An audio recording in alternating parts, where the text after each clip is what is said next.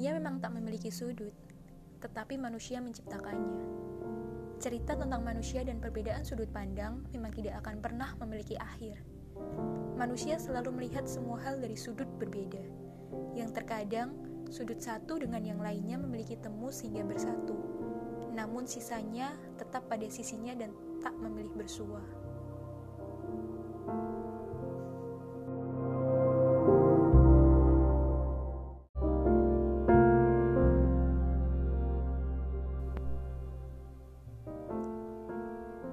Mungkin ini adalah saatnya kita untuk berhenti membandingkan diri, karena hidup tidak seharusnya untuk memenuhi ekspektasi orang lain.